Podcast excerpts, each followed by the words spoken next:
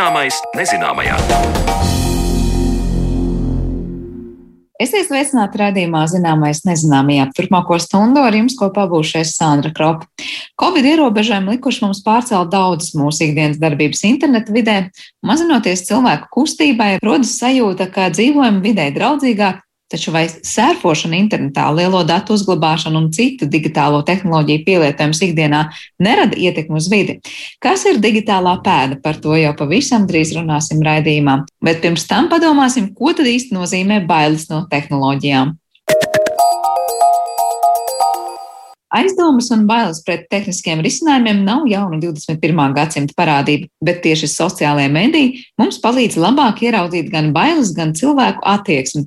Kad un kāpēc šādas bailes ir radušās un kāpēc ar zinātnieku argumentiem reizēm nepietiek, lai tās mazinātu par to mūsu arhīvu stāstā.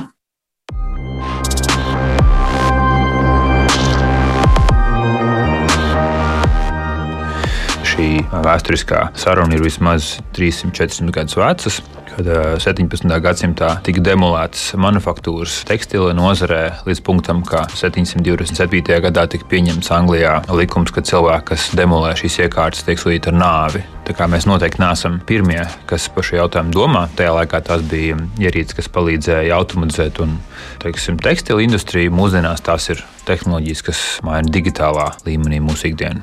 Bet tas iemesls, kāpēc šīs bailes veidojas, arī ir pētīts. Tās ir vienkārši bailes, ka šīs tehnoloģijas, piemēram, agrāk manufaktūras, ja šobrīd citas tehnoloģijas kaut ko nodarīs man sliktu, manai veselībai vai kaut ko citu radīs. Jā, šeit noteikti ir jābūt pietiekoši uzmanīgam. Ir viena, ko mēs sakam, ir šīs neartikulētās bailes, kā katrs no mums pieiet klāt kādai ierīcei, mēs neorientējamies, kā viņu izmantot. Mums ir katram piesardzība, ir neliela trauksme, kā mēs spēsim darboties. Un otrs līmenis ir, kad cilvēki nebaidījās no šīm ierīcēm, bet viņi ļoti labi saprata, ka šīs ierīces eh, faktiski viņus padara par bezdarbniekiem. Jā, viņi no šīs vērtību ķēdes tika izstumti ārā. Viņam nebija bail no viņiem, viņi bija pietiekoši artikulēti un zinoši cilvēki, bet viņi saka, šie ražošanas līdzekļi, kā teiktu, jā, Marks viņus diskvalificē. Un tomēr arī mūsu šodienās būtu uzmanīgi jāizmanto šis termins, sakot, ka cilvēkiem apgūstot jaunu ierīci, viņi mazliet ir nemierīgi un ir šī sajūta, ka nu, nāk automatizācija. Nu, pieņemsim, veikalos ir uh, norēķina kases, kurās nu, drīz mums vairs nav varbūt, nepieciešami pārdevēji, jeb ierīces, kas uzkopja telpas un tā tālāk. Ja? Cilvēki viņam nebaidās no viņām. Tā teikt, nav nosvīdušas plauksts, ka viņi iet garām viņām, bet viņi ļoti labi saprot, ka tas iespējams aizvietos viņu darba vietā. Šādi jēdzienu tehnofobijas skaidro pilsētu plānotājs, VF inovāciju apkaimes vadītājs Viesturs Celmiņš. Svarīgi paturēt prātā, ka abas šīs parādības, gan neartikulētās, gan artikulētās bailes, mēs piedzīvojam visu laiku. Arī cirvis, kruķi vai spieķi ir tehnoloģijas, kas parādījušās dažādos vēstures posmos, sniegušas cilvēka ikdienai jaunu pienesumu, un ar tām bijis nepieciešams iemācīties sadzīvot. Tāpat šobrīd, piemēram, aptiekā varam būt izvēles priekšā, kādu termometru atkarībā no tehniskās sarežģītības izvēlēties. Stāstu turpina Viesturs Celmiņš ir tādi trīs vispārīgi veidi, kā mēs nošķiram to tehnofobijas pakāpi attiecībā uz cilvēku. Viens ir tāds kā mazliet nedroši lietotāji, kur dēļ vienkārši tīri prasmi trūkuma vai iemaņu trūkuma jūtas nedroši tehnoloģiju priekšā. Ko mēs saucam par kognitīviem tehnofobiem, viņi no ārpuses absolūti ir mierīgi, savākti, orientējās, var teikt, ir savas tehnoloģijas zenītā, bet pakausī viņam īstenībā ir bažas par to, vai un kā viņi pietiekoši labi orientējās mūsdienu tehnoloģijās. Tu esi pirmo reizi nonācis jaunā lidostā, kā nu tu varēsi tur atrast sev nepieciešamo teikt, iereģistrēšanās instrumentāriju, vai ne? Un tad mēs katrs apmulstam. Un trešais ir teikt, nemierīgie tehnofobi, kur par spīti prasmēm un iemaņām, kurās viņi orientējās, viņi joprojām ir nemierīgi. Ja? Tas vienkārši personības tips ir, ka tev ir bažas, ka tev nu, kāds teikt, apkrāps internetā, vai tev nāk mēstules, un viņi atvērs vaļā, un tev ir tāds fonā mazliet bažas, kas ir nepārtraukts. Mums īstenībā jāsaka, ka mēs arī esam šajā spektrā. Katrs no mums ir piedzīvojis nu, kaut kādu nemieru un teikt, mācīšanās posmu ar tehnoloģijām. Nu, kā mēs zinām, mūsdienās mūsu katram rokās vai kabatās ir superskaitļotāja ierīces, un mēs zinām, izmantojam no viņiem 5 līdz 7% no potenciāla, ka šajās ierīcēs ir iekšā. Ja mēs sūtām izziņas, paceļam zvanu, ja mums kāds zvana vai paskatāmies internetā ziņas, bet šajās ierīcēs ir neskaitām citu opciju. Tajā ziņā katrs no mums ir vēl ar potenciāli, kur augt. Un katram mums ir mazliet bažas par to. Nu, nākošais līmenis ir tas, vai mēs būtu akurāti ieti gatavi demolēt kaut kādas tehnoloģiskās sasniegumu ierīces, jā, kā bija šis gadījums ar 5G stāciju demolēšanu Anglijā, jā, kas ir droši vien nākošais līmenis.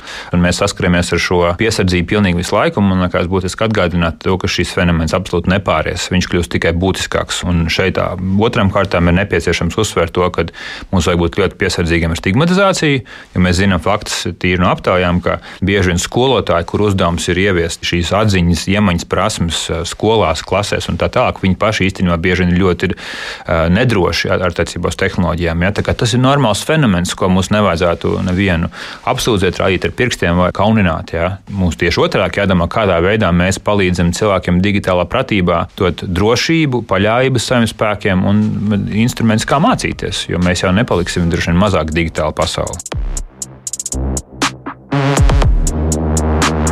Kā jūs skaidrotu, kāpēc, piemēram, 5G internets bija viens no tādiem lielākajiem bubuļiem pasaulē par to runāja, ko tas tagad mums izdarīs.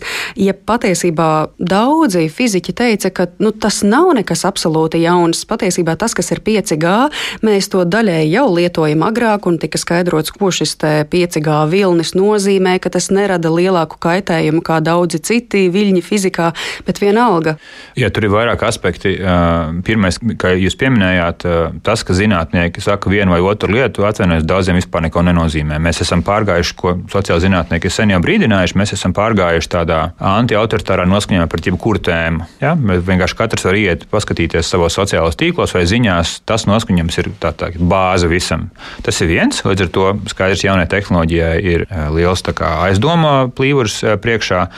Bet, kā jūs pieminējāt, nu, vai mēs esam gatavi savus telefonus nelietot vairāk, kur jau patreiz izmanto 4G stācijas un 4G signālu? Nu, padomāsim, ja mēs jau šodien zinām, ka uh, saules staru iespējas uz cilvēka ķermeni pārmērīgos daudzumos ir negatīvs. Bet vai jūs redzat, ka kāds tāpēc nebrauc uz jūrmālu? Mēs varētu turpināt ne par cigaretēm vai par uh, izmešiem, kas ir no automašīnām, kuras mēs pat nemēram. Bet mēs zinām to, kā pēc dienas sako nakts, ka viņam ir negatīvs iespējas uz ķermeni vai kāds tā iemesla dēļ tur taisa neskaitāms Facebook grupas. Nē, viss vienkārši paraust plecus. Un šeit atnāk jauna tehnoloģija. Mums nav uh, zinātnisks pamatojums, ka viņiem ir negatīvs iespējas.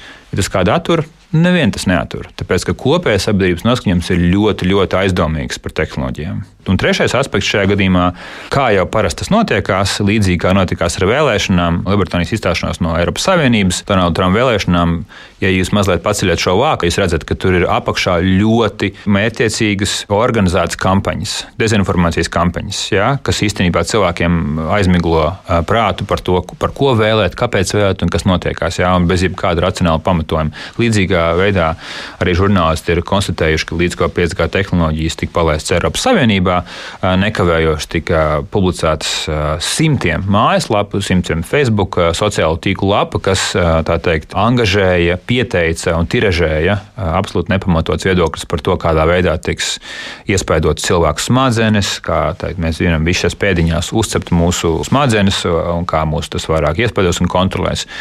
Es domāju, ka arī pats um, tehnoloģija ieviesēji, tā teikt, lokus nebija sagatavots šim. Viņi nespēja ātri reaģēt šiem izaicinājumiem. Viņi teica, lūk, esam mēs, un lūk, ko zinātnieki par to saka. Nu, un kas zinātnieki saka? Kopš kura laika šajā sabiedrībā kāds interesē, ko domā zinātnieki? Sabiedrībā zinātnieki nav vairs autoritāte, un viņi to ļoti labi zina, un tā ir tā teikt, mēs ejam uz uz jaunu sabiedrisko domu. Līdz ar to sabiedriskais ja tas, uh, PR bija neveiksmīgs. Savukārt otra puse bija ļoti, ļoti veiksmīga. Viņi neizmantoja zinātnieku pētījumus, viņi vienkārši angažēja puspatiesības un emocijas. Emocijas bija tās, kas pateica, kādā veidā mūsu bērni, mūsu skolas vai mūsu sabiedrība tiks nozambēta ar 5G tehnoloģijām. Ja? Tāpēc mums jābūt piesardzīgiem, ka, protams, ka tehnoloģija maina mūsu dzīvi. Protams, ka mēs bieži netiekam viņai līdzi, bet godīgi būtu rādīt arī tos ieguvumus Latvijā, pieņemsim, tehnoloģijas ļāva nodrošināt mācības attālināti.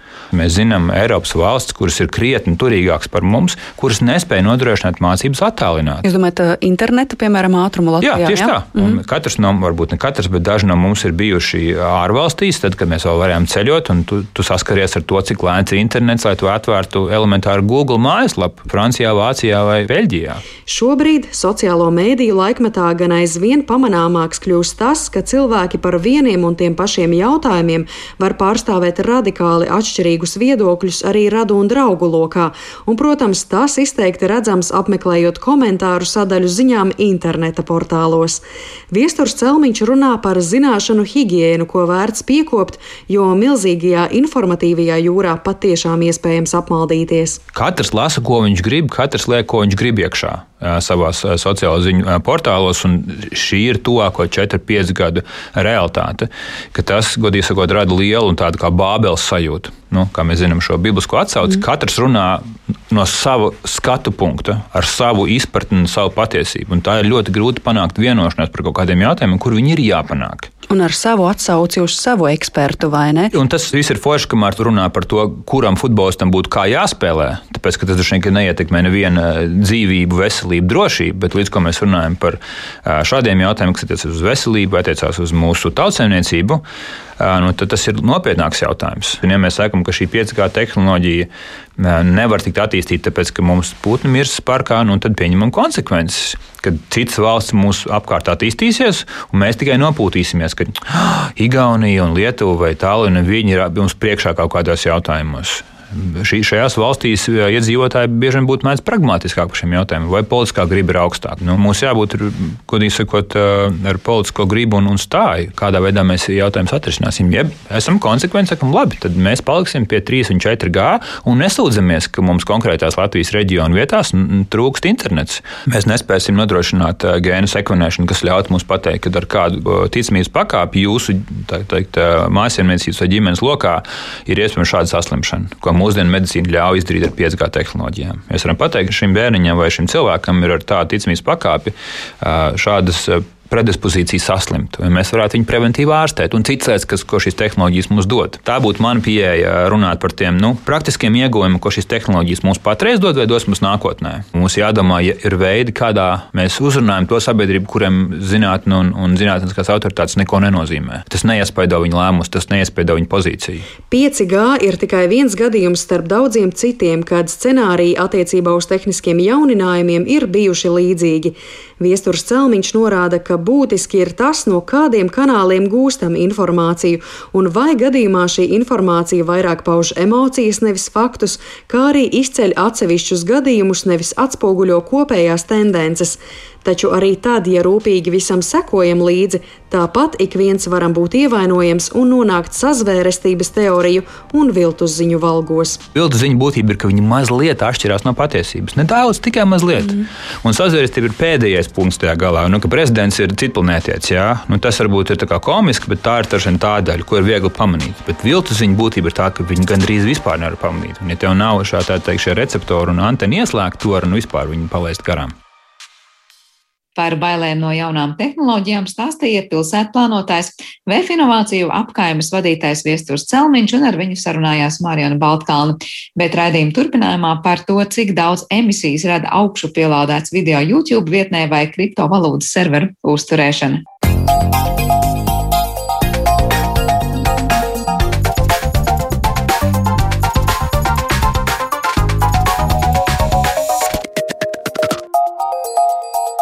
Zināmais nezināmajā. Vairs nav nepieciešami lieli grāmatu plaukti, lai daudz lasītu, un šodien arī nav jāveic lieli attālumi, lai piedalītos starptautiskās konferencēs vai sazinātos ar radiniekiem otrpus zemeslodes. Digitālā pasaule mums ir ļāvusi uzglabāt datus, iegādāties produktus un pakalpojumus, sazināties un koordinēt mūsu dzīvi pilnīgi virtuāli, radot ilūziju, ka tādējādi patērējam mazāk resursu. Realtātā tā līdz galam īsti nav. Kāpēc par to šodien mēs runāsim raidījuma atlikušajā daļā? Eh, jo pie mums mūsu attālinātajā studijā šodien viesojas Latvijas Universitātes Geogrāfijas un Zemeszinātņu fakultātes pētnieks un biedrības Zaļā brīvība valdes priekšsādātājs Jānis Brīsga. Sveiks, Jāni! Sveiki! Eh, nu, vai tu piekritīs tam, ka mūsu šīs attālinātās dzīvošanas un darbošanās laiks, varbūt šī pieredze rada tādu nu, mākslīgu ilūziju tam, ka mēs varbūt mazinām izmešus, dzīvojam vidē draudzīgāk, jo daudz ko tiešām varbūt ne tā vairs patērējam kā līdz šim. Kā, kāds tev ir tas redzējums? Tiešām mēs esam pa šo gadu varbūt arī vairāk dzīvotam digitāli ietaupījuši un padarījuši planētu tīrāku, vai tomēr tas ir tāds maldīgs uzskats? Nu, es domāju, ka noteikti kaut, kādus, kaut kādi ieguvumi ir, bet, protams, tas, ka nu, liela daļa cilvēku varbūt neredz tās, tās vidas ietekmes, tos patērētos resursus šajā digitālajā pasaulē, nu, rada tādu, tādu maldīgu priekšstatu, kā tu minēji. Jo, nu, Tā, protams, nav pilnībā dematerializēta šī, šī digitālā vide. Mēs joprojām izmantojam dažādas ierīces, mēs izmantojam salīdzinoši lielus enerģijas apjomus, kas ir nepieciešami gan pašu dažādu ierīču darbināšanai, gan datu glabāšanai, pārraidīšanai, enerģijas ražošanai. Tā kā tās ietekmes varbūt ir kaut kur izkliedētas tālu no mums, un tāpēc mums rodas tāds priekšstats, ka nu, šis jau nerada nekādu, nekādu ietekmi. Jo, ja mēs braucam ar mašīnu pa ielu, tad mēs redzam izplūdes gāzes, vai mēs sajūtam viņas.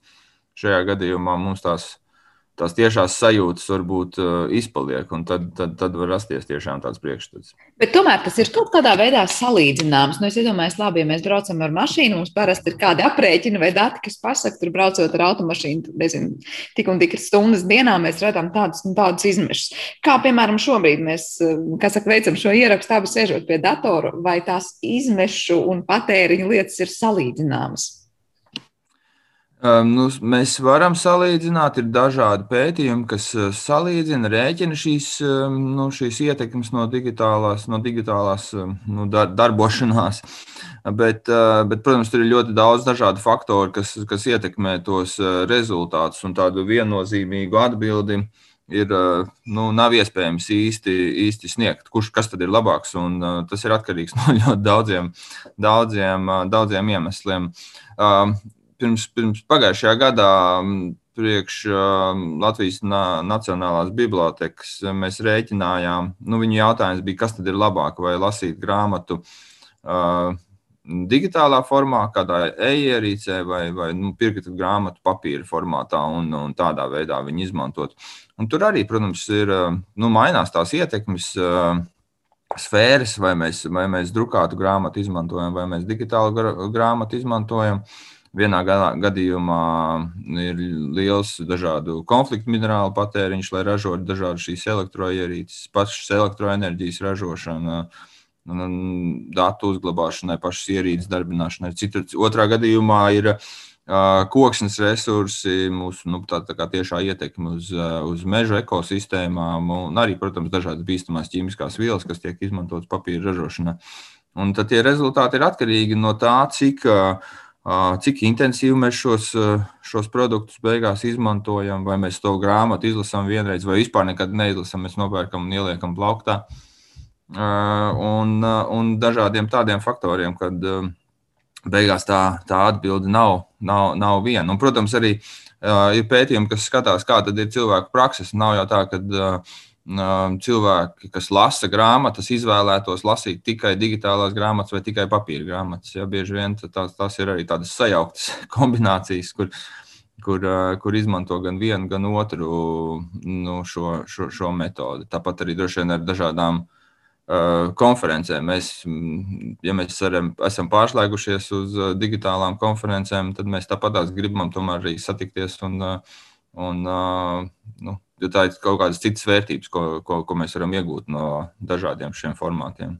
Bet, laikam, tā ir īstā recepte būt kaut kur pa vidu. Ja ir dažreiz tādas tikšanās, kuras tiešām var aizstāt ar Skype vai Zoom sazvanu, Un ir savukārt konferences, kurām vajag tiešām to reālo klātbūtni. Jautājums, ja tagad mēs varbūt daudzi pārietu uz tādām ļoti īsām, kas ir bijušas tādas vienas dienas konferencēm vai aizbraukšana līdz Briselē un atpakaļ aizstāt ar Zoom sazvanu, tad droši vien tā ietekme uz vidi tomēr būtu izmērām kā pozitīva.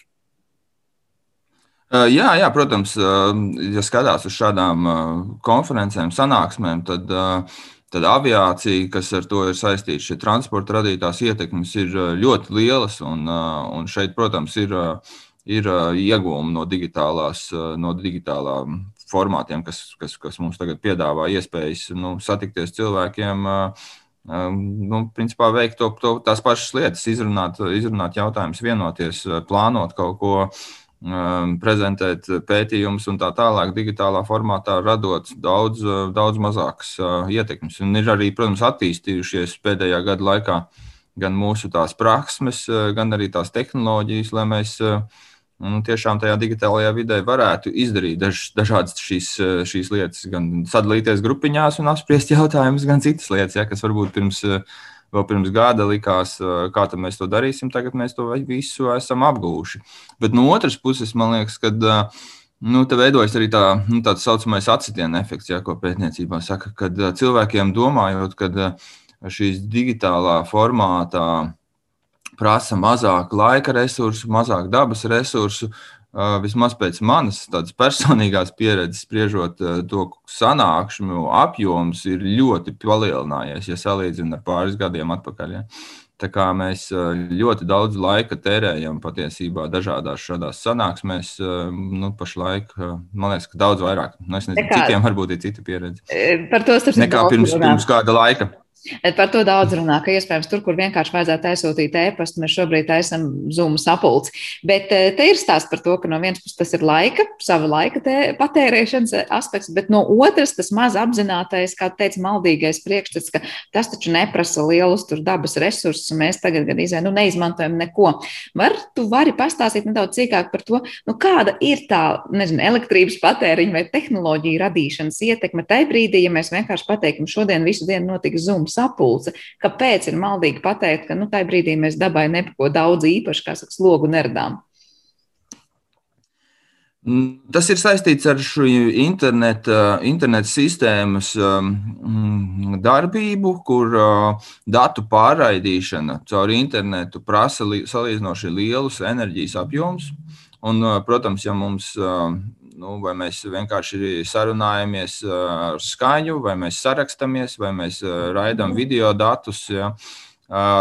Video konferences formātā tur tie apjomi, datu apjomi, kas tiek pārraidīti, ir diezgan atšķirīgi. Jo nu, video un grafiskie attēli, protams, patērē daudz lielāku nu, sastāv daudz lielāku datu apjomu un līdz ar to arī patērē daudz eh, vairāk eh, enerģijas, lai, lai, lai šos datus eh, pārraidītu.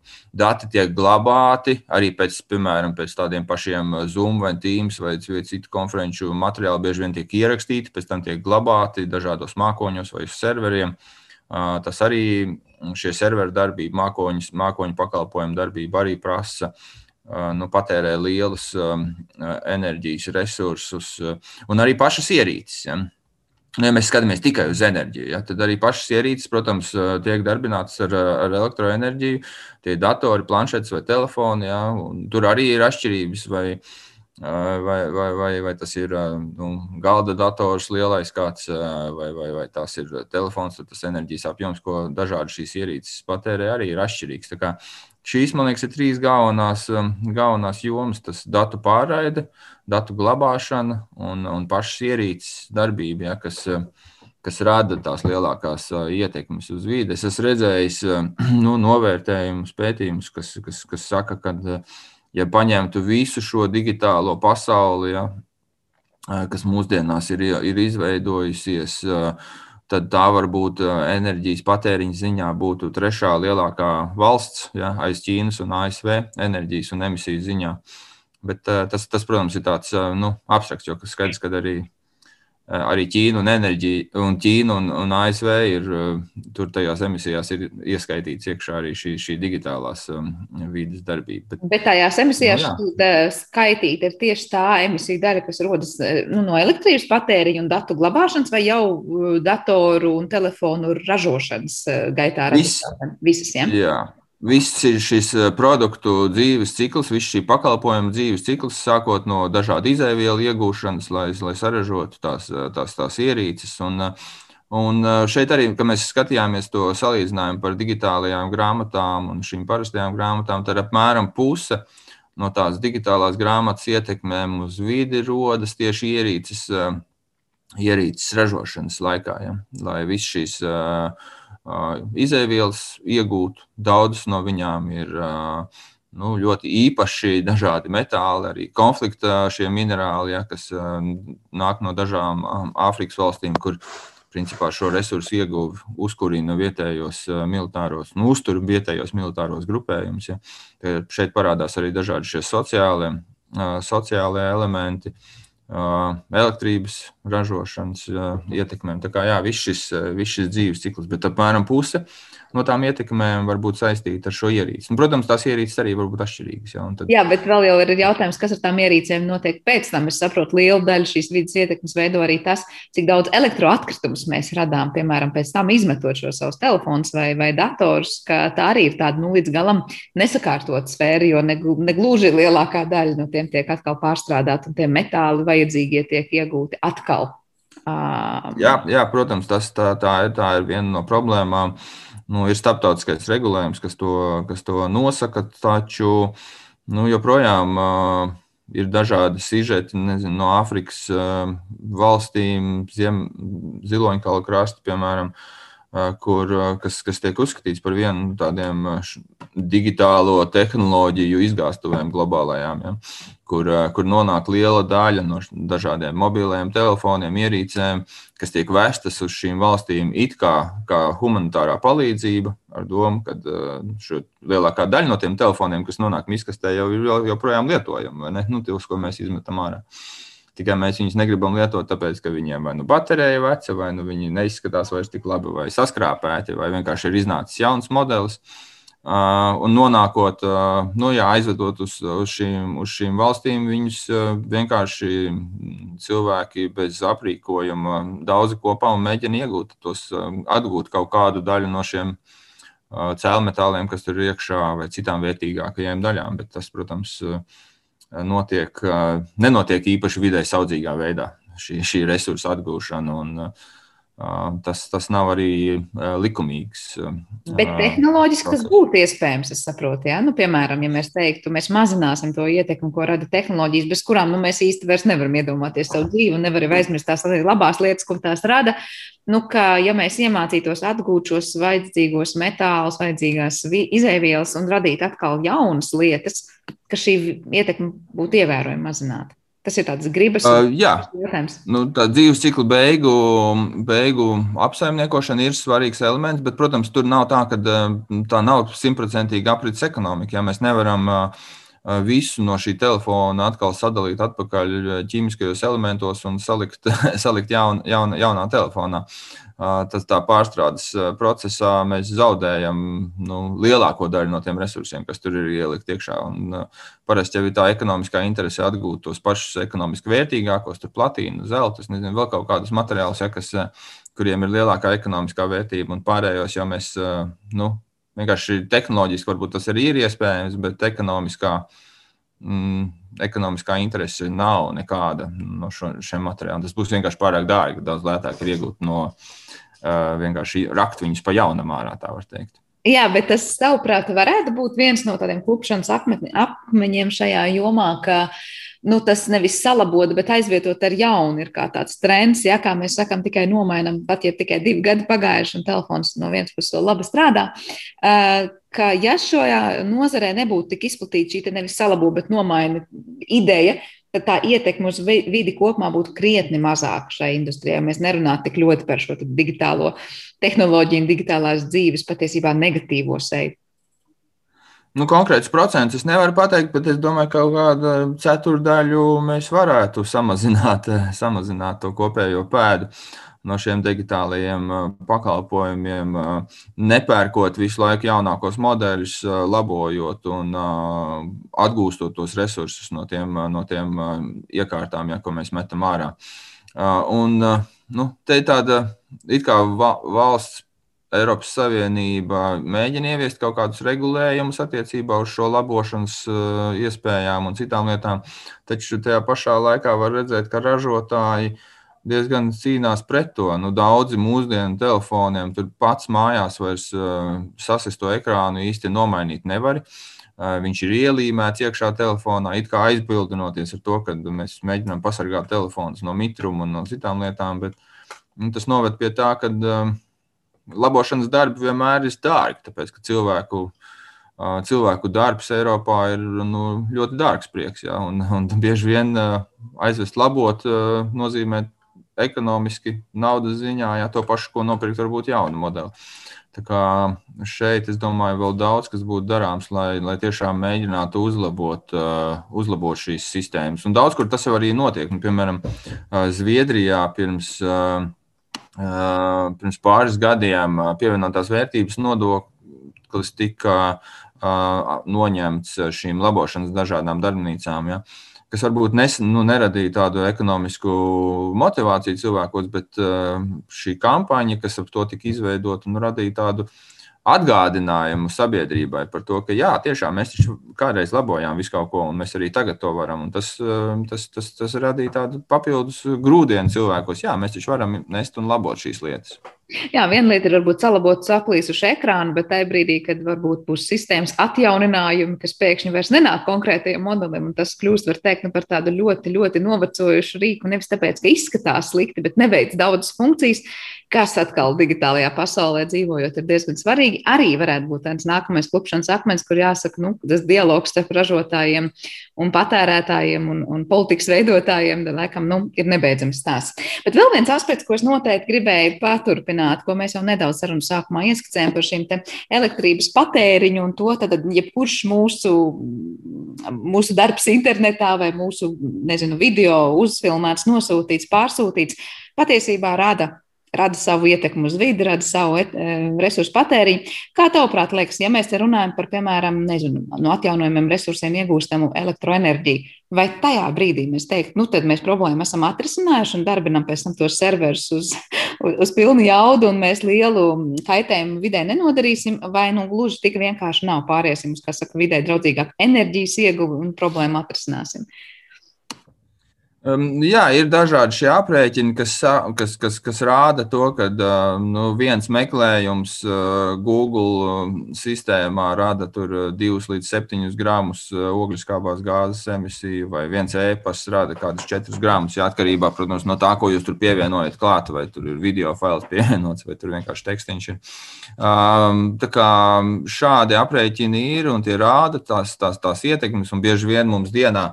Mēs eh, simts reizes meklējam kaut ko, ierakstām kaut ko Google meklētājā un saņemam kādus 20 e-pastus un paši nosūtām eh, diezgan lielu apjomu. Tā kā tās summas sasumējās kopā un rada to kopējo mūsu digitālo pēdu.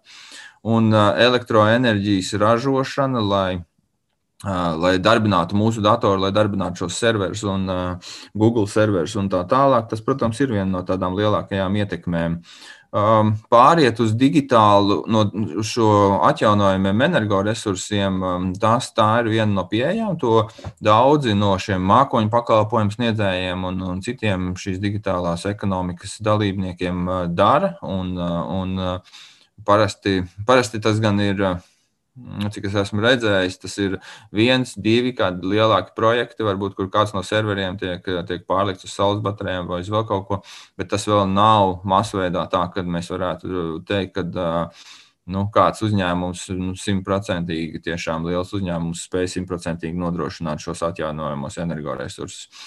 Mums, protams, ir jāsaprot, kādā veidā šīs tehnoloģijas, atjaunojamo energoresursu tehnoloģijas attīstās un cik lielā apjomā mēs varam uh, varam nodrošināt šos atjaunojamos resursus. Protams, ja skatās uz sauli, ne, tad mums liekas, ka saules enerģija, kas nonāk uz Zemes, ir pār pārējiem, un eh, mums eh, nebūtu par to jāuztraucās. Jā. Mēs izmantojam pavisam, pavisam niecīgu daļu no šīs saules enerģijas. Bet nu, tas tehnoloģiski un ekonomiski nevienmēr ir pieejams mums eh, līdz ar to. Te mēs, te mēs varam paredzēt diezgan lielu attīstību. Protams, arī šie atjaunojami energoresursi nevienmēr ir ilgspējīgi. Jā. Mums esam dzirdējuši diezgan daudz kritikas par vēja enerģiju, putnu sikspārņu ietekmēm jā, no, no, no vēja rotoriem vai par to pašu biomasas izmantošanu, kā atjaunojumu energoresursu, kā tas ietekmē, kā tas ietekmē meža ekosistēmas vai, vai, vai, vai lauksaimniecības šīs teritorijas, ja, no kurienes mēs šo biomasu iegūstam. Tā kā arī šeit, arī šiem atjaunojumiem energoresursiem bieži vien nu, ir iespējas viņus padarīt ilgspējīgākus, vidē draudzīgākus. Ja. Tā kā arī šeit var būt nu, tādas variācijas par zaļumu Bet vai tu paredzi, ka tuvākajā nākotnē vai nu tālākajā nākotnē būs valstis, kuras varbūt izteiktāk um, ievieš to vidēji draudzīgo enerģijas iegūšanas politiku, un varbūt tur tiek izvietoti vairāk dažādi, nezinu, lieli serveri vai kas cits? Jo es lasīju par bitkoiniem savukārt, ka, nu, piemēram, Islanda ir viena no valstīm, kas sarakstā kā, kā piemērotākā vieta vispār radīt kriptovalūtu, ir izvēlēta tieši tāpēc, ka tur ir 100% atjaunojumā energoresursi, tā kā iegūst avots un līdz ar to gan augsti, gan arī vidē draudzīgāka enerģija. Vai tu paredzi, ka, ja, piemēram, būs valstis, kas pateiks, mums ir vidē draudzīga atjaunojamo energoresursu enerģija, tad arī pie viņiem attīstīsies vairāk kaut kādu datu glabāšanas pakalpojumu vai kas tāds? Es domāju, ka tas noteikti ir viens no faktoriem, kas, um, nu, kas motivē šos, šos, šos uzņēmumus. Um, kā tu saki, Īslande ir viens no tādiem um, piemēriem. Ja. Bitcoins tiešām prasa liels enerģijas apjomus, tāpēc, kad ir šie dažādie datori, kas, kas, kas, kas veic šīs, šīs pārbaudes, ja, viņi var būt izkliedēti gan visā pasaulē, un tie dati tur ir apjoms, ja, kas vienai transakcijai tiek izmantots, ir eh, salīdzinoši ļoti, ļoti, ļoti uh, liels. Kā, um, tas varētu būt, un iespējams Latvija arī var, var izskatīt šādas, šādas iespējas, ja piesaistīt kādas no šiem. No šiem mākoņu pakalpojumu ser, ser, serveru vietām, bet, protams, otrs, otrs nu, elements, kas šiem uzņēmumiem interesē, ir elektroenerģijas cena. Ja? Nu, jo, jo uh, Tas tomēr, nu, tā ekonomika, es domāju, viņiem ir pats svarīgākā. Ja mēs spējam nodrošināt lētu, atjaunojumu enerģiju, tad tas ir, tas ir atkal cits jautājums, cik mēs esam to spējīgi, spējīgi izdarīt un cik valstis un cik projekti to ir spējīgi izdarīt. Starp citu, piemin, pieminēja Latviju. Tajā sarakstā, kur bija izvēlēts desmit piemērotākās valsts un reģioni bitkoinu konkrēti tad, radīšanai, Latvija bija desmitajā vietā, un tur tika vērtēti, nu, labi, mūsu gadījumā neatjaunojami energoresursi, bet gan tas, ka mums nav pārlieku silts šeit, tad es skatījos, cik ir um, klimatiski apstākļi piemērot, tad, tad, lai, lai dzēsētu tad šīs serveru vietas, tad saprotam, ka mēs nevaram tur vēl vairāk investēt naudas dzēsēšanā. Uh, elektrības cena tevis pieminētā un atjaunojamie resursi. Un, starp citu, par elektrības cenu runājot, tur bija tā, ka nu, salīdzinoši lēta ir Latvija šajā kontekstā, bet arī labs interneta ātrums tas bija svarīgs. Un, savukārt, interneta ātrums bija noteikti tas pluss, kas lika Latvijai ierindoties šajā sarakstā. Tā kā, jā, klimatiskie apstākļi arī aspekts, ko ņemt vērā, laikam nākotnē domājot par vietām, kur tiek izvietot dažādu datu glabāšanas serveri. Noteikti, noteikti, jā. Par elektrības cenu vēl gribēju ko piebilst, un to, kā, kā Latvija izskatās šajā kontekstā. Nu, no vienas puses, mēs mēģinām, mēģinām padarīt šo elektroenerģijas ražošanu pēc iespējas lētāku un pieejamāku. Tas ir tāds konkurētspējas jautājums ekonomikā, bet jāsaprot arī tas, ka, ja šī enerģija būs lēta, tas nemotivēs īsti cilvēkus taupīt kaut kādā veidā enerģiju. Ja.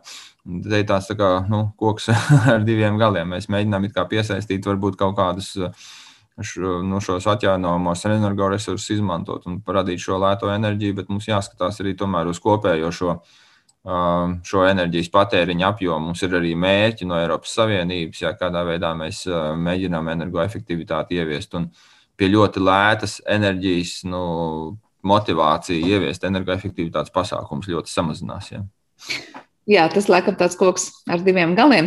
Eh, bet runājot vēl par šīm kriptovalūtām, nu jā, nevelti piesauktais bitkoins izrādās, nu vismaz uh, statistika, ja paskatās uh, patēriņa ziņā, elektrības patēriņa ziņā, tad patērē pusprocentu no visas pasaules enerģijas, radītās enerģijas. Tad vēl viens piemērs uzskatāms tam, cik ļoti patiesībā šī tausta, netaustāmā un liekas, neredzamā pasaule patiesībā nu, prasa tādus diezgan taustāmus resursus. Un par pašu bitkoinu runājot, laikam, salīdzinājums bija, ka elektrības ziņā patērē tikpat, cik, piemēram, visa Argentīna.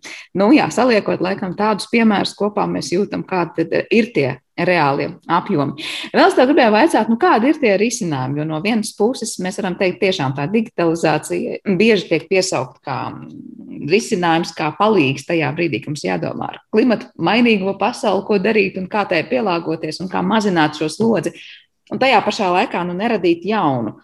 Vienalga, vai stāsts ir par kriptovalūtu vai elektroniskajām grāmatām, kā tu teiktu, nu, uz kurien ir jāvirzās, lai mēs teiktu, mēs nevaram atteikties no tehnoloģijas sniegtajām iespējām, kuras ir arī nenovērtējamas un, protams, mūsu dzīvi atvieglojošas, un tajā pašā laikā nu, nenodarīt tādu neredzamu jaunu ļaunumu pasaulē. Es domāju, ka diezgan daudz ko var darīt. Nu, katrs no mums arī, nu, protams, arī valsts eh, veidojot šos noteikumus un eh, uzņēmumi, ja, veidojot savu politiku. Bet, uh, nu, sākot no tādām pavisam vienkāršām lietām, mm, beidzot varbūt ar sarežģītākām, nu, mēs varam pārskatīt savus e-pasta paradumus, nesūtīt varbūt visur, visu laiku e-pastus, atrakstīties no dažādām ziņu listēm, ja, kur mums nāk ziņas, ko mēs neesam pēdējos mēnešos vispār ne lasījuši, ne skatījušies. Tas, tas, tas kaut vai tādas nelielas lietas, ja mēs varam iestatīt pašus datorus un ierīces, dažādus šos miega režīmus, lai viņi nestāv, dators, lai nestāv ieslēgts. Nu, arī tad, kad mēs aizējām prom, ēst pusdienas vai, vai, vai, vai darīt citas lietas bieži vien daudz cilvēki nu, nav iestatījuši šos uh, izslēgšanās režīmus datoriem, lai viņš aizmiega. Uh, tāpat arī uh, rūteri, citas šīs digitālās tehnoloģijas, kas darbojas bieži vien arī tad, kad mēs esam ārpus mājas un kad neviens viņas nelieto. Ja, tas, tādi saucamie enerģijas vampīri, ja, kad, kad mēs, kas patērē resursus arī brīžos, kad mēs viņus vispār neizmantojam. Un, nu, neviens viņus neizmantoja, tas, bet resursi visu laiku tiek tērēti no enerģijas un datu pārraides, pārraides ziņā.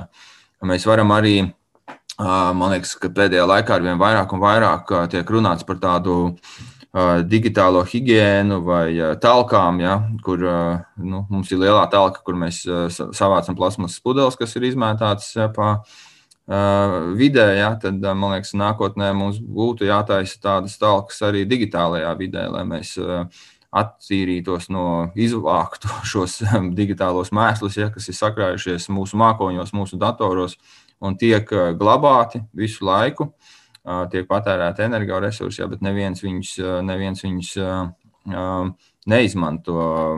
Mēs varam prasīt arī dažādiem tiem mākoņu pakalpojumu sniedzējiem, ja, kādus, kādus energoresursus viņi izmanto, nu, kāda ir šo viņu, viņu vidas klimata politika. Ja skatīties, kādā veidā mēs, kādas mēs ierīces izmantojam, cik viņas ir energoefektīvas, ja, kas ar viņām notiek, tad nu, kā mēs varam paildzināt viņu mūžu, vai mēs varam nomainīt kaut kādas detaļas šīm datoriem vai, vai, vai telefoniem, kad viņam kaut kas salūst.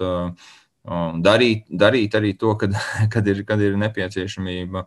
Ja nu galīgi šī ierīce sabojājusies, tad, protams, nodot atbilstoši nu, noteikumiem, jā, nemest sadzīves atkritumos, bet nodot kā šos elektroenerģijas ierīču atkritumus. Ja. Tā kā dažādas šādas, mēs arī varam pieslēgt, piemēram, atjaunojamos energoresursus sev mājās. Ja. Tādas, tādas nu, pašlaik elektroenerģijas tirgus ir liberalizēts, un mums ir iespējas izvēlēties piegādātājus un produktus. Ja. Tā kā ir diezgan daudz dažādas lietas, ko, ko katrs no mums var, nu, var, var, var sākt jau pašlaik darīt. Ja. Jā, tiešām tas nosauktais saraksts patiesībā ir tik garš un plašs, lai gan varbūt sarunas sākumā varētu likties, ka nu, droši vien tā būs kārtējā tēma, par kur teiksim, nu jā, bet mēs tur neko daudz mainīt un izdarīt nevaram. Patiesībā, jā, tas ir savos paradumos diezgan daudz no tevis nosauktā ir tiešām vienkārši pārskatāms kaut vai šī pierakstītā ziņu lista, kur varbūt tiešām arī nevajadzīgi rada nu, daudz kā lieka mums e-pastos, un izrādās prasa arī gan daudz resursu. Un, ja mēs tā padomājam, cik cilvēku pasaulē, kas lieto šos resursus, un ja katrs vismaz mazumiņu izdara tajā savā digitālajā higiēnā, tad laikam tas iegums šoreiz tiešām būs diezgan, diezgan liels. Lielas paldies, Jānis, par to, ka ieskicēji mums dažus šos aspektus, par kuriem noteikti ir vērts padomāt, un, kā tu minēji, padomāt dažādos līmeņos, gan katram individuāli, gan arī varbūt valstiski par to, ar kādiem energoresursiem dzīvojam un ko izmantojam.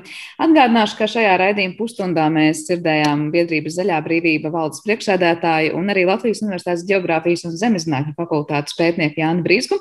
Ar to arī šis raidījums ir izskanējis un par to parūpējās producenta Paula Gulbinska un mūzikas redaktors Girds Bišs. Ar jums kopā šajā stundā bija es Sandra Kropa un es tikai piebildīšu, ka mūsu raidījumu var dzirdēt arī populārākajās podkāstu vietnēs. Lai jums jauka diena un uz tikšanos!